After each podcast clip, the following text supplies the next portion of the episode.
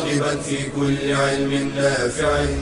ينمو العلم ويتقدم بتقنياته ومجالاته ومعه نطور أدواتنا في تقديم العلم الشرعي. أكاديمية زاد. زاد أكاديمية ينبوعها. صاف صاف ليروي غلة الظمآن. هذا كتاب الله روح قلوبنا. خير الدروس تعلم القرآن. بشرى لنا زاد أكاديمية للعلم كالأزهار في البستان. الحمد لله رب العالمين. الرحمن الرحيم. الهادي إلى الصراط المستقيم. وصلى الله وسلم على خير البرية ومنجي البشرية خليل الرحمن وصفية محمد صلى الله عليه وعلى آله وأصحابه وأتباعه إلى يوم الدين أحييكم أيها الإخوة والأخوات الأعزاء المشاهدين طلاب وطالبات أكاديمية زاد بتحية الإسلام تحية أهل الجنة السلام عليكم ورحمة الله وبركاته. هذه الحلقة العاشرة والدرس العاشر من التفسير وكنا قد وصلنا وإياكم إلى سورة القارعة فموعدنا اليوم مع هذه السورة العظيمة. هذه السورة مكية بالإجماع. أجمع العلماء على أن سورة القارعة مكية. ابتدأها الله عز وجل بقوله بعد أعوذ بالله من الشيطان الرجيم بسم الله الرحمن الرحيم. القارعة ما القارعة؟ وما أدراك ما القارعة؟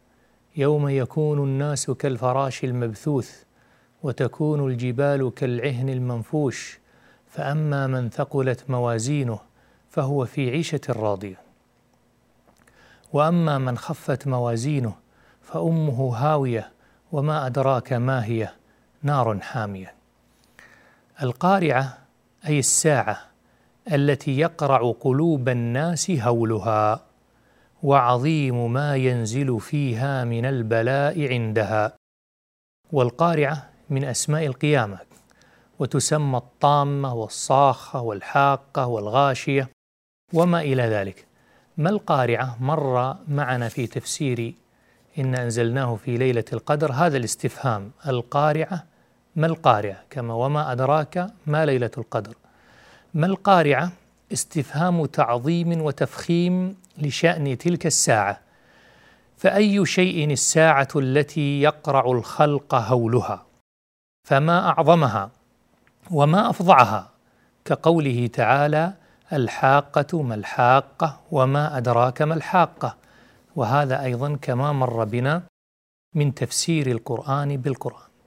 لذلك ذكر الله عز وجل في في في بيان معنى الحاقة وفي بيان معنى الطامة وفي بيان معنى الصاخة ما يكون في في القارعة وغيرها من هذه الأسماء. وهنا قاعدة يذكرها أهل التفسير أنه كلما كثر المسمى دل على كلما تعددت الأسماء عظم المسمى كلما تعددت الأسماء عظم المسمى فالله جل جلاله له أسماء عدة فدل ذلك على عظمته والقيامة لها أسماء عدة فدل ذلك على عظمتها والقرآن له أسماء عدة فدل ذلك على عظمته والنبي صلى الله عليه وسلم له أسماء عدة فدل ذلك على عظمته صلى الله عليه وسلم. لذلك قال الله فإذا جاءت الطامة الكبرى بدأت أوصاف الطامة التي هي الحاقة وهي القارعة فإذا جاءت الطامة الكبرى يوم يتذكر الإنسان ما سعى وبرزت الجحيم أي أظهرت لمن يرى وبرزت الجحيم لمن يرى فأما من طغى وآثر الحياة الدنيا فإن الجحيم هي المأوى.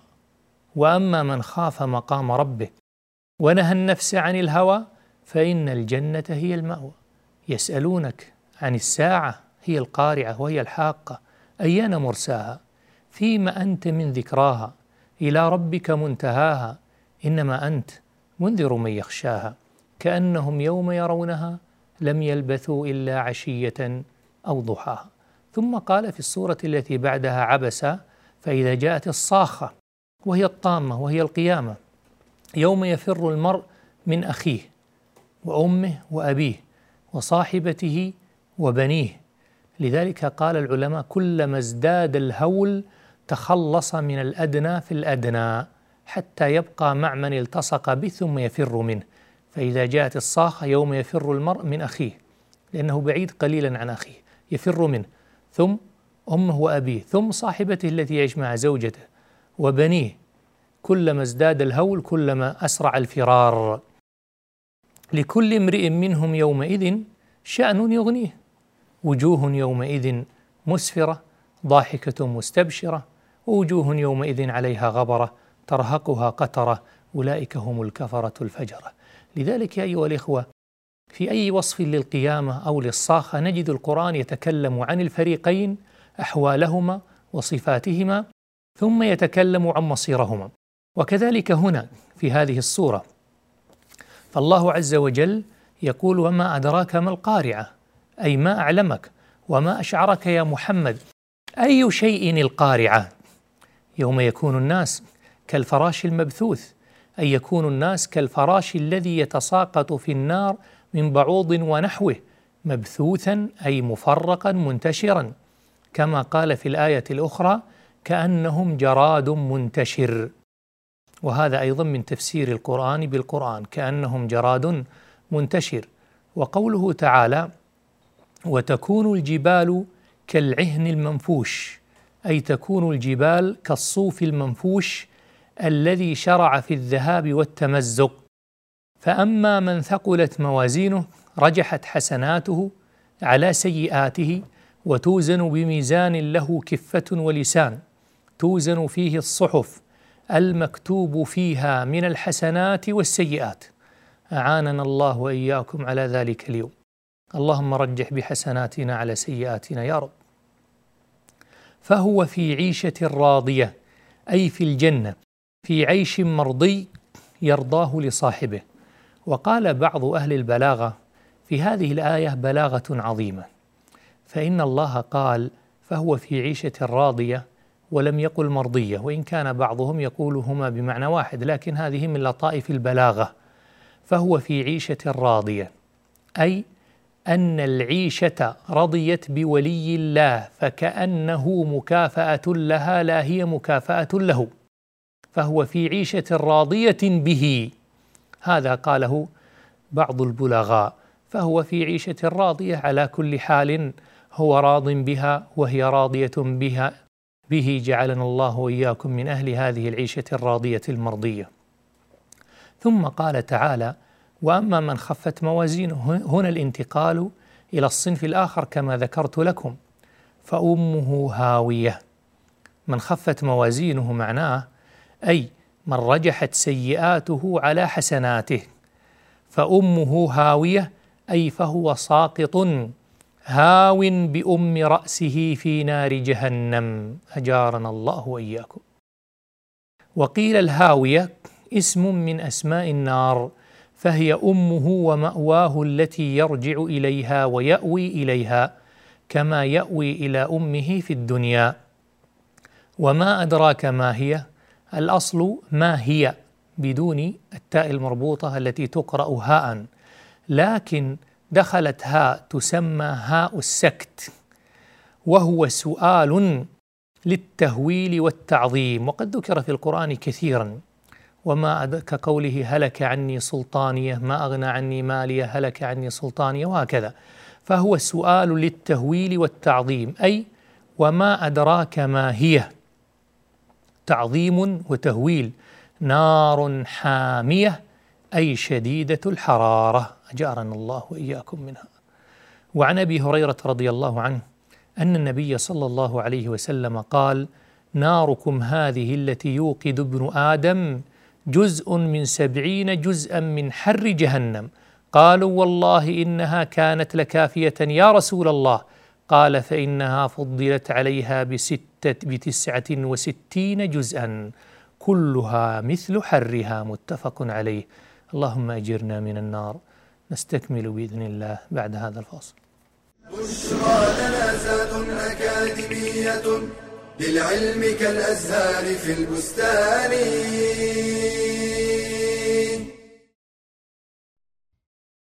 فارق كبير بين من يسافر لنزهة سياحية أو لمشاهدة مباراة وبين من يسافر لطلب العلم. فالرحلة لطلب العلم موصلة إلى سعادة الأبد. قال النبي صلى الله عليه وسلم من سلك طريقا يلتمس فيه علما سهل الله له به طريقا إلى الجنة وبالرحلة يلقى الطالب العلماء وينوع المشايخ ويقارن بين المناهج ويجدد نشاطه ويزيد خبراته. قال الشعبي لو أن رجلا سافر من أقصى الشام إلى أقصى اليمن فحفظ كلمة تنفعه رأيت أن سفره لا يضيع. وهل من شيء أشرف من العلم يرحل في طلبه؟ وقد رحل موسى عليه السلام في ذلك رحلة شاقة. وإذ قال موسى لفتاه لا أبرح حتى أبلغ مجمع البحرين أو أمضي حقبا. ورحل الصحابة والعلماء من بعدهم في طلب العلم المسافات حتى سافر بعضهم شهرا في طلب حديث واحد وقطع بعضهم في طلبه أكثر من خمسة آلاف كيلو. سيرا على قدميه. فإن عجزت عن الرحلة في طلب العلم فلا أقل من التعلم عبر الشبكات والشاشات. قال النبي صلى الله عليه وسلم سددوا وقاربوا والقصد القصد تبلغوا. بشرى لنا أكاديمية للعلم كالأزهار في البستان. حياكم الله مجددا. ما مر بنا هو التفسير الإجمالي لهذه الصورة ونريد أن نعرج معكم على بعض الفوائد. في هذه الصورة دليل على أن يوم القيامة فيه موازين وقد جاء في بعض النصوص أنه ميزان. فهل هو واحد أم متعدد؟ قال بعض بعض أهل العلم إنه واحد وإنما جمع باعتبار الموزون. لأنه يوزن فيه الحسنات والسيئات وتوزن فيه حسنات فلان وفلان فهو مجموع باعتبار الموزون لا باعتبار الميزان وإلا فالميزان واحد. وقال بعض أهل العلم إنها موازين متعددة لكل أمة ميزان ولكل عمل ميزان فلهذا جمعت. قال شيخنا الشيخ ابن عثيمين رحمه الله والأظهر والله أعلم أنه ميزان واحد وهذا هو الأظهر. والفائدة الأخرى أن الإنسان إذا تساوت حسناته وسيئاته فإنه قد سكت عنه. ولكن بين الله تعالى في سورة الأعراف أنهم لا يدخلون النار وإنما يحبسون في مكان يقال له الأعراف التي باسمه سورة الأعراف. قال الشيخ السعدي رحمه الله واختلف أهل العلم والمفسرون من هم أصحاب الأعراف وما أعمالهم؟ والصحيح من ذلك أنهم قوم تساوت حسناتهم وسيئاتهم فلا رجحت سيئاتهم فدخلوا النار ولا رجحت حسناتهم فدخلوا الجنة فصاروا في الأعراف ما شاء الله. ثم إن الله تعالى يدخلهم برحمته الجنة فإن رحمته سبقت وتسبق وتغلب غضبه ورحمته وسعت كل شيء. كان يقول عمر بن عبد العزيز رحمه الله اللهم إني شيء فارحمني يا من وسعت رحمتك كل شيء ورحمتي وسعت كل شيء فسأكتبها للذين يتقون. اللهم اجعلنا منهم. ما أطيب هذا القول من عمر بن عبد العزيز؟ اللهم إني شيء فارحمني يا من وسعت رحمتك كل شيء. اللهم إنا شيء. فارحمنا يا من وسعت رحمتك كل شيء. أما بعض التفصيل وبعض الفوائد حول هذه السورة فإن الله عز وجل حين قال القارعة ما القارعة أي القيامة والساعة وذكرنا لكم أن هذا قول عامة المفسرين وذلك أنها تقرع الخلائق بأهوالها وأفزاعها وأهل اللغة يقولون تقول العرب قرعتهم القارعة وفرقتهم الفاقرة وفقرتهم الفاقرة أي إذا وقع بهم أمر فظيع. قال ابن أحمر وقارعة من الأيام لولا سبيله لزاحت عنك حين وقال آخر متى تقرع بمروتكم نسؤكم ولم توقد لنا في القدر نار وقال تعالى ولا يزال الذين كفروا تصيبهم بما صنعوا قارعة وهي الشديدة من شدائد الدهر. أما الاستفهام الذي ذكرناه لكم معناه ما القارعة؟ معناه أي شيء هي القارعة. وكذا وما أدراك ما القارعة؟ كلمة استفهام على جهة التعظيم والتفخيم لشأنها كما قال تعالى الحاقة ما الحاقة وما أدراك ما الحاقة على ما تقدم. وذكرناه لكم. ثم قال تعالى يوم يكون الناس كالفراش المبثوث. فقوله تعالى فقوله تعالى يوم يكون الناس كالفراش المبثوث يوم هذه منصوب على الظرف. تقديره تكون القارعة يوم يكون الناس كالفراش المبثوث. قال قتادة الفراش الطير الذي يتساقط في النار والسراج. الواحد فراشة. وقال أبو عبيدة وذكرت لكم كتاب أبي عبيدة وهو مجاز القرآن للتذكير وقال الفراء في كتابه معاني القرآن إنه الهمج الطائر من بعوض وغيره ومنه الجراد ويقال هو أطيش من فراشة مثل أطيش من فراشة. وقال الشاعر وقد كان أقوام رددت قلوبهم إليهم وكانوا كالفراش من الجهل.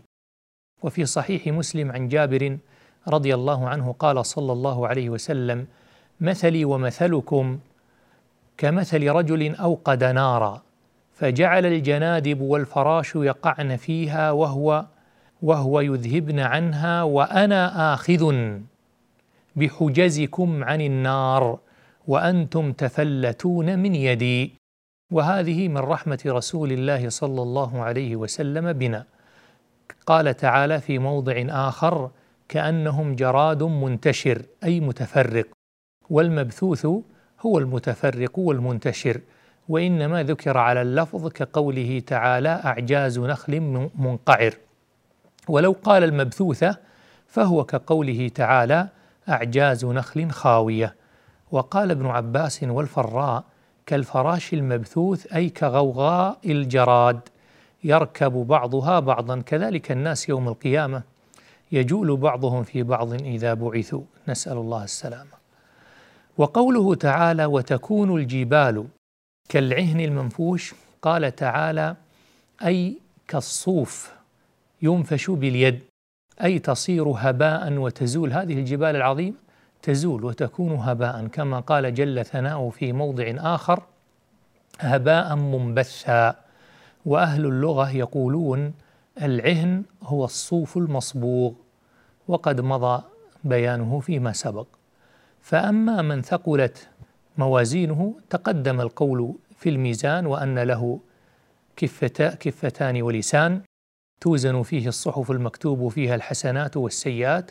وذكرنا لكم أنه قيل أنه ميزان واحد وقيل عبر عنه بالجمع وقيل أنه عدة موازين أو لكل حادثة ميزان كما قلنا قبل قليل. قوله تعالى فهو في عيشة راضية أي عيش مرضي يرضاه صاحبه. وذكرنا لكم نكتة البلاغيين قبل قليل. أي فاعلة للرضا. وبالمناسبة هناك كتاب جميل أصله رسالة ماجستير اسمه النكت في القرآن الكريم مجلد واحد. أظن أظن هذه الرسالة أنها آه، عراقية المنشأ. فهذه الرسالة من أجمل الرسائل في لطائف ونكت القرآن الكريم مجلد واحد لكنه جميل جدا. يعني مثلا فيه لماذا قال الله هنا هكذا؟ ولم يقل هكذا. لماذا قال ذلك ولم يقل ذلك؟ فهي من أجمل الكتب. اسمها النكت في القرآن الكريم لأبي فضال المجاشعي توفي قرابة 400 سنة 400 وحققت في بغداد. فقوله تعالى فهو في عيشة راضية أي عيش مرضي يرضاه صاحبه أي فاعله وهو اللين والانقياد لأهله عيشة راضية. وقيل فالفعل للعيشة لأنها أعطت الرضا من نفسها وهو اللين والانقياد. فالعيشة كلما كل كلمة فالعيشة كلمة تجمع النعم التي في الجنة فهي فاعلة للرضا كالفرش المرفوعة. فإذا دنا منها ولي الله اتضعت حتى يستوي عليها ثم ترتفع كهيئتها ومثل الشجرة فرعها كذلك أيضا من الارتفاع فإذا اشتهى ولي الله ثمرتها تدلت إليه. يتناولها ولي الله قاعدا وقائما وذلك في قوله تعالى قطوفها دانية وحيث ما مشى أو ينتقل من مكان إلى مكان جرى معه نهر حيث يشاء علوا وسفلا كقوله تعالى يفجرونها تفجيرا. أي يشير فيجري من غير اخدود حيث شاء من قصوره وفي مجالسه. فهذه الأشياء كلها عيشة قد أعطت الرضا من نفسها فهي فاعلة للرضا وهي انذلت وانقادت بذلا وسماحة. ومعنى فأمه هاوية يعني جهنم. وسماها اما لأنه يأوي إليها كما يأوي إلى أمه. قاله ابن زيد. وقال ومنه قول أمية بن أبي الصلت فالأرض معقلنا وكانت أمنا فيها مقابرنا وفيها نولد. نستكمل بإذن الله بعد الفاصل. بشرى لنا أكاديمية للعلم كالأزهار في البستان.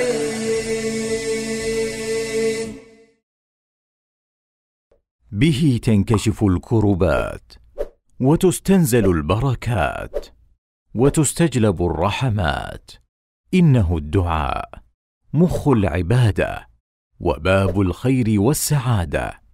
وللدعاء آداب منها توحيد الله تعالى والإخلاص له في الدعاء. إطابة المأكل والملبس استقبال القبلة ورفع اليدين.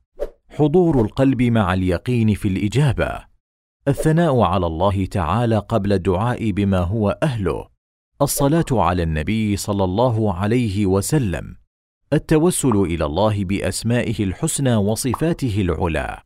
الإكثار من المسألة والإلحاح فيها. إخفاء الدعاء وعدم الجهر به. الجزم في الدعاء وقوة اليقين. عدم استعجال الإجابة. ومن الأمور المعينة على إجابة الدعاء تحري الأوقات والأماكن الفاضلة والأحوال المناسبة. فمن الأوقات الفاضلة وقت السحر الثلث الأخير من الليل آخر ساعة من يوم الجمعة وقت نزول المطر عند سماع الأذان وبين الأذان والإقامة.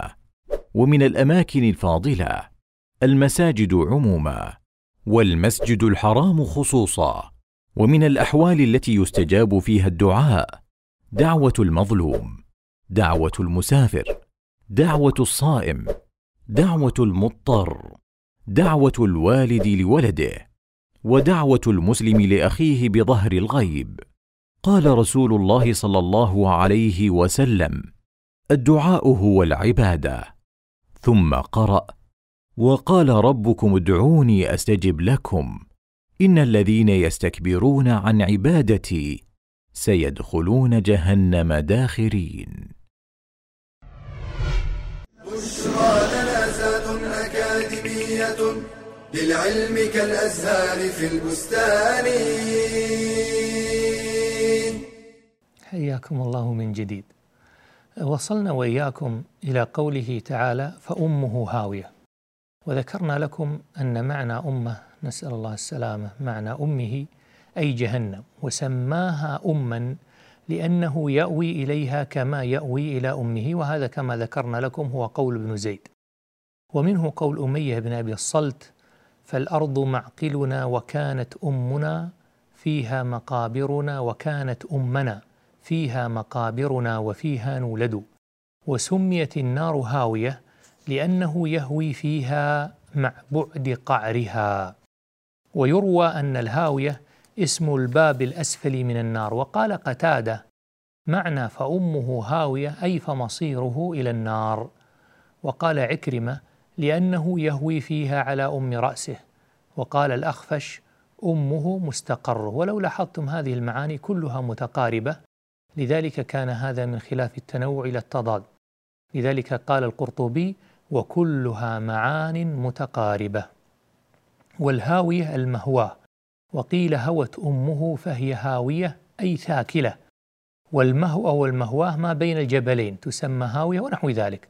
وتهاوى القوم في المهواة إذا سقط بعضهم في إثر بعض. ثم قال الله عز وجل نار حامية أي شديدة الحرارة. وفي صحيح مسلم عن أبي هريرة أن النبي صلى الله عليه وسلم قال ناركم هذه التي يوقد ابن آدم جزء من سبعين جزءا من حر جهنم. قالوا والله إن كانت لكافية يا رسول الله. قال فإنها فضلت عليها بتسعة وستين جزءا كلها مثل حرها. وهذا من أعظم الأحاديث ومن أخوف الأحاديث. وروي عن أبي بكر رضي الله عنه أنه قال إنما ثقل ميزان من ثقل ميزانه لأنه وضع فيه الحق وحق لميزان يكون فيه الحق أن يكون ثقيلا وإنما خف ميزان من خف ميزانه لأنه وضع فيه الباطل وحق لميزان أن يكون فيه الباطل أن يكون خفيفا وهذا من من أجمل الآثار عن أبي بكر رضي الله عنه. وبالمناسبة سألت أحد مشايخنا لماذا ذكر الإمام النووي في رياض الصالحين وهو من أشهر كتبه لماذا ذكر أحاديث الجنة أوصاف الجنة ولم يذكر أوصاف النار؟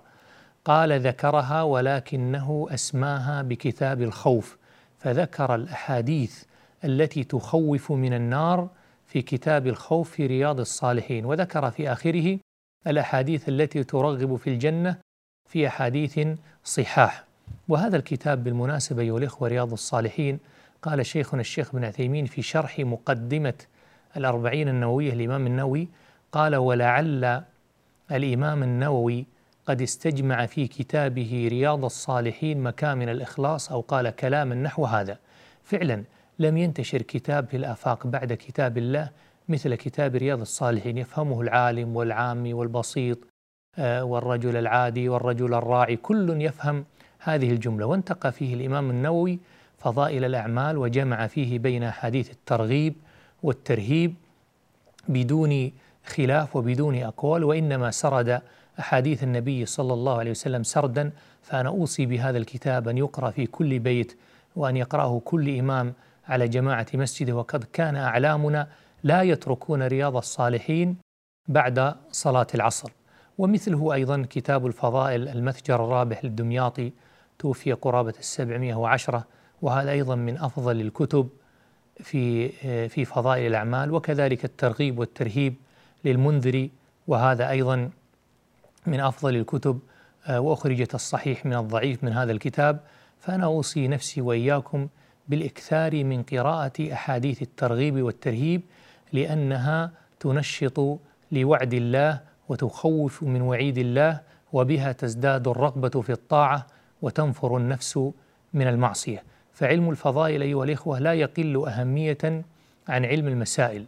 لذلك كان علم الحديث بين علم الفضائل وعلم المسائل. وحري بالمسلم أن يجمع بين العلمين كما قال في حديث معاوية رسول الله صلى الله عليه وسلم من يرد الله به خيرا يفقهه في الدين.